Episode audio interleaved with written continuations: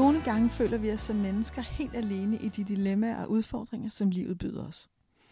Derfor kan det gøre en verden til forskel at høre, hvordan andre oplever livet. Velkommen til Kære Daisy, en podcast, hvor breve med udfordringer, længsler og dilemmaer vendes med respekt og kærlighed.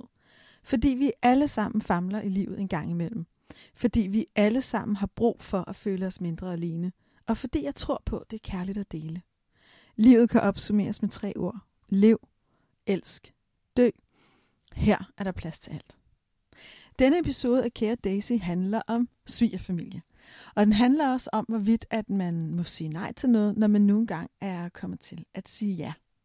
Jeg optager den her episode sammen med Pernille, som er min øh, hjælp. Uden hende kunne det her ikke lade sig gøre. og øh, Pernille, det her er et langt brev, og jeg synes simpelthen, at du skal læse op, for det forklarer det helt så godt. Det kommer her. Kære Daisy. Min kæreste og jeg har været sammen i seks år, og indtil vi fik barn, var jeg sikker på, at han var mit livs kærlighed. Men efter vi er blevet forældre for næsten to år siden til den dejligste dreng, er forskellene mellem os blevet mere og mere markante. Mange af konflikterne handler om hans familie. Jeg ønsker virkelig at have et godt forhold til dem og give vores søn en god relation til farmor og farfar, men jeg har bare så svært ved at være i det. Hans familie taler grimt til hinanden, og jeg har oplevet hans far kalde min mands søster for en led kælling under en familiefødselsdag. Det er så fjernt for mig, og det jeg er vokset op med. Det sværeste for mig er næsten, at der kan være så hårde skænderier, og så skal man bare glemme det bagefter. Sådan fungerer jeg slet ikke. Sidste år inviterede de os i sommerhus med alt betalt i 14 dage. Vi var der, og det var et helvede for mig. Vi kæmpede med at få vores søn til at sove ordentligt, og jeg fik hver dag spidse bemærkninger om, at jeg forpyldrede og bare skulle have ham græde. Samtidig hjalp det os slet ikke, at jeg brugte hele to uger på at føle mig utilstrækkelig som mor og var virkelig træt. De har nu inviteret på sommerferie igen, og jeg fik sagt hjemme det samme. Min kæreste vil meget gerne med, men jeg har slet ikke lyst. Når jeg tager emnet op, siger min kæreste, at det jo allerede er en aftale, så vi kan ikke tillade os at sige nej nu, hvor det er planlagt, at de har lejet dyrt sommerhus. Jeg holder normalt også mine aftaler, men jeg kan slet ikke rumme at skulle igennem en lignende ferie igen. Skal jeg bare lukke mine følelser ned og gøre det? Eller kan jeg tillade mig at sige fra? Kærlig hilsen K. Kære K, hvis jeg nu skulle svare helt vildt kort på det her, så vil jeg sige, ja, du kan godt tillade dig det. Men det er i virkeligheden ikke så vigtigt, om man siger, ja, du kan tillade dig at sige fra eller ej. Det, der egentlig er det vigtigste, det er det, der kommer til at ligge i min uddybning af, hvorfor. Fordi det er vigtigere at finde ud af, hvorfor gør vi det, vi gør. Og jeg vil egentlig hellere, at I lytter til, jer lytter med, hvorfor jeg mener det, end at det bliver sådan en eller anden moralsk diskussion om, hvorvidt man har ret til det eller ej. Og når jeg læser dit brev og hører det, så tænker jeg, at det her er egentlig et meget godt billede på, at vi nogle gange starter sådan i følelserne, jeg, min familie fungerer på en måde, din familie fungerer på en anden måde. Der er noget her, der er svært. Og så spidser det ligesom til i en eller anden situation. Situationen, der var sidste år på jeres ferie. Den situation, der er nu. Og så ender vi tit som mennesker op i moralen. Har man ret til det eller ej? Må man det eller ej? Og det er enormt tit, når jeg arbejder med par, at jeg faktisk er sådan blevet mødt lidt af to mennesker, der sådan altså ikke altid folk sidder helt med armene over kors, men det, det gør de nogle gange, og sådan helt, ja, jeg mener det, og du mener det, og øh, ja, hvad, hvad mener du? Og der har jeg det sådan lidt, øh, jeg er ikke dommer. Øh, nej, tak, det har jeg ikke lyst til at blive blandet ind i. øhm, og det er lidt fordi, jeg har ikke det perfekte syn på alting. Og i virkeligheden tror jeg ikke rigtigt, der er nogen af os, der kan sige præcis, hvad man skal eller ikke skal, eller hvad der er ret og rimeligt. Det, jeg synes er interessant, det er i virkeligheden, at vi forstår hinanden bedre og vi forstår, hvad der er på spil over for hinanden, og vi bliver klogere på hinanden. Når vi til gengæld er det, så min oplevelse med mange par er, at så kan de rigtig meget sammen. Man kan i virkeligheden også godt gøre noget, hvor man egentlig havde lyst til at sige nej, hvis man er helt med på, hvorfor gør jeg det her, og hvorfor er det vigtigt for mig eller for den anden. Ligeså vel som man på en helt anden måde kan respektere et nej, man får, hvis man virkelig forstår, hvad der er. Og alle parforhold har ting, man ikke bliver enige om. Alle parforhold indeholder elementer af, at man siger nej til noget, man egentlig gerne havde ville, eller man siger ja til noget, man egentlig ikke har så meget lyst til. Og det kan vi sagtens rumme, men vi er nødt til at have hinanden med. Så det her er i virkeligheden en situation, der er spidset op. Skal jeg lukke ned for mine følelser og gøre det, eller skal jeg, kan jeg tillade mig at sige fra? Du skal sige fra. I virkeligheden vil jeg sige, når jeg hører dit brev, så vil jeg sige, du skal sige fra. Fordi, jeg vil, fordi at du ellers kan ende et sted, der er meget, meget værre. Og jeg vil gerne uddybe to grunde til, at jeg synes, at du skal sige fra. Og så til allersidst vil jeg gerne nuancere det, fordi der er jo også andre muligheder, end enten at lukke dine følelser ned og gøre det, eller tillade dig at sige fra. For der er i virkeligheden ikke nogen af de scenarier, der er særlig gode. Så hvis vi lige starter fra toppen.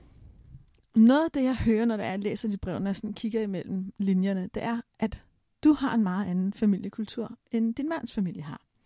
Så, så noget af det, du også skriver, det er, at når, når hans far kalder din svigerinde for en lid kælling under en familiefødselsdag, så er det meget fjert for dig. Og sådan er det jo et eller andet sted. Et eller andet sted, sådan det at blive en del af en andens familie, er jo også at opleve nogle ting, som er meget fjern for os. Og du skriver også meget fint, det sværeste for dig, udover at der bliver brugt sådan ord, er også, at der kan være hårdskænderier, og så glemmer man det, for sådan fungerer jeg ikke. Det fortæller mig, at I har nogle ret store forskelle i jeres familiekultur. Og det er klart, at det giver, det giver nogle gnidninger, fordi du er gæst i en familiekultur, du ikke kender, som i virkeligheden ikke føles rar for dig. Selvfølgelig lander det ikke godt i dig. Og når du så skriver i dit brev, at du følte, at du hele tiden fik spidse bemærkninger om at være forpylret, så tænker jeg, det er klart, hvis de har en familiekultur, hvor man kan kalde nogen en ledkælling, og du ikke har, så kan det godt være, så det er jo klart, at du vil opleve nogle af de ting, de siger til dig som spidst, fordi det er helt tydeligt, at du med din familie kommunikerer anderledes. Men jeg vil ikke ved en flaske Barolo på, at din svigerfar selv synes, at han kommer med spidse bemærkninger. For han kan jo udmærket have en helt anden måde at bruge sproget på, og en helt anden opfattelse af, hvornår noget egentlig er at tale hårdt. Og det siger jeg ikke for at retfærdiggøre ham, eller for at sige, at du ikke må føle det, du gør. Det her, det siger jeg for at nuancere og sige, nogen taler hårdt til hinanden og har accept det. Nogen taler ikke sådan og har accept det. Nogen føler, at en sætning er en spids bemærkning. Andre føler, at den samme sætning bare er sådan, man lige taler til hinanden. og der er vi jo meget forskellige.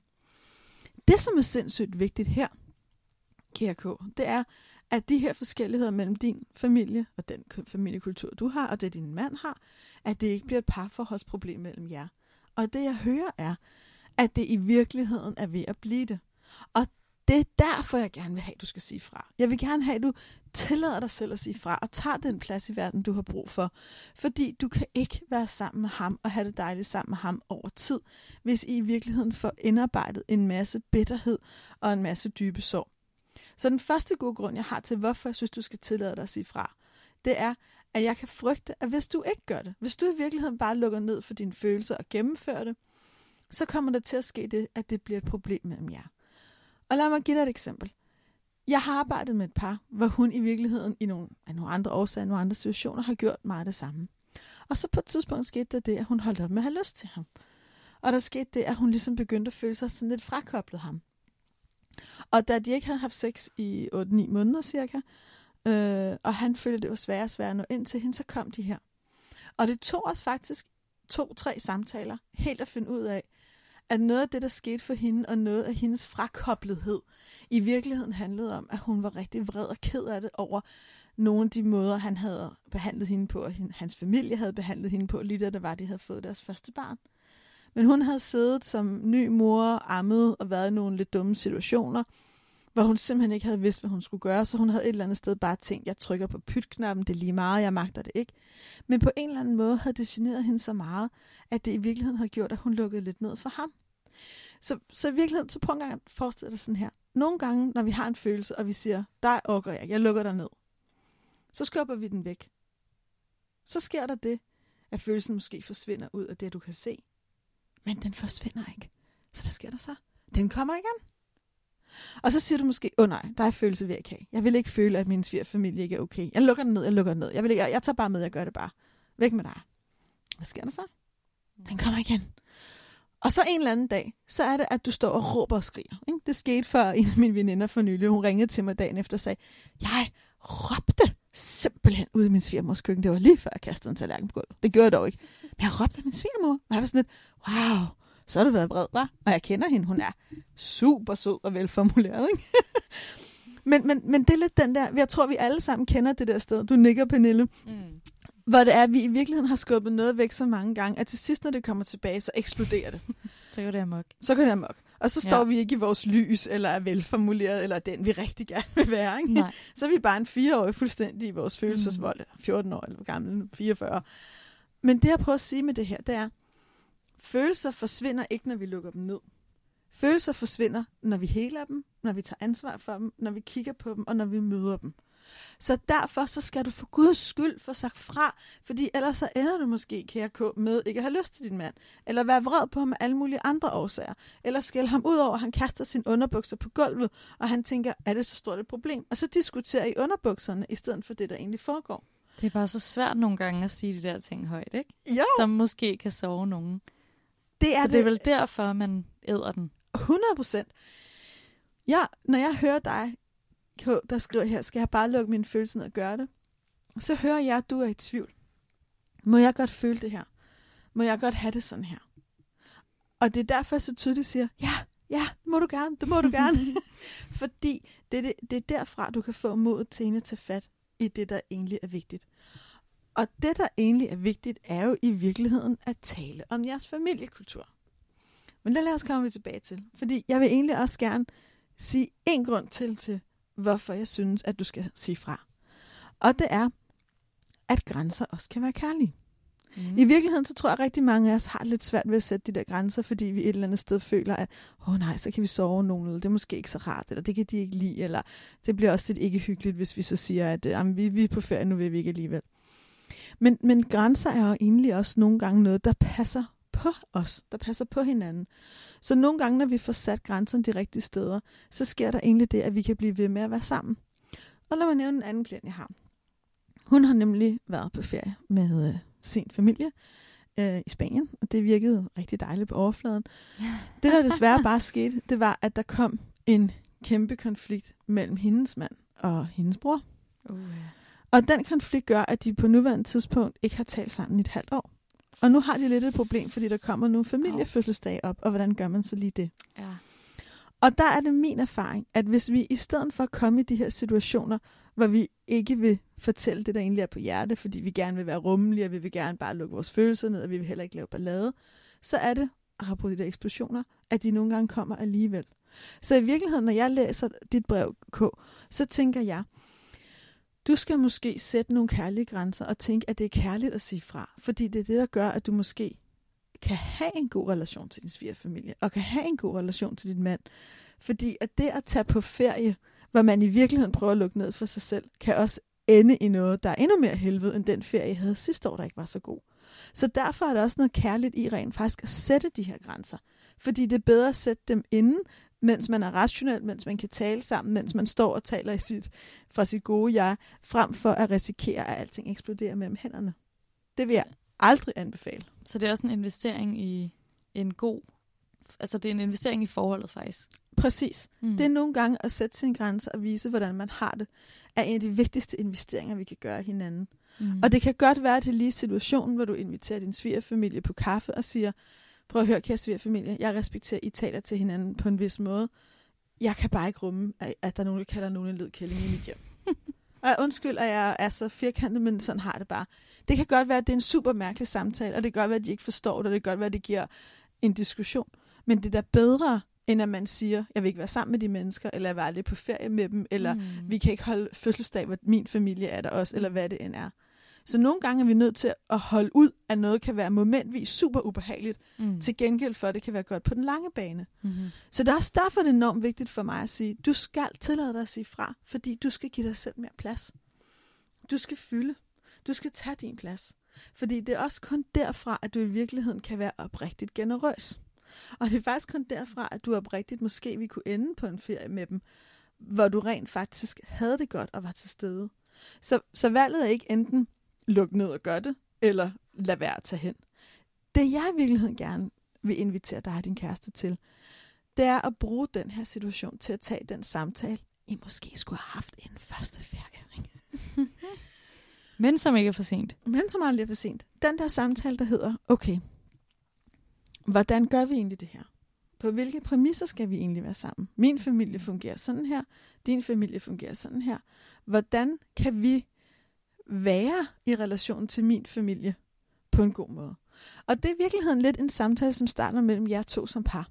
Så jeg vil sige, det første, jeg vil råde jer til at gøre, det er simpelthen at sætte jer ned og tale om, hvad skal der til for, at vi kan fungere på en, på en familieferie? Det er noget med, at du skal gøre meget klart, jeg har det sådan her, det her er nemt for mig, det her er svært for mig.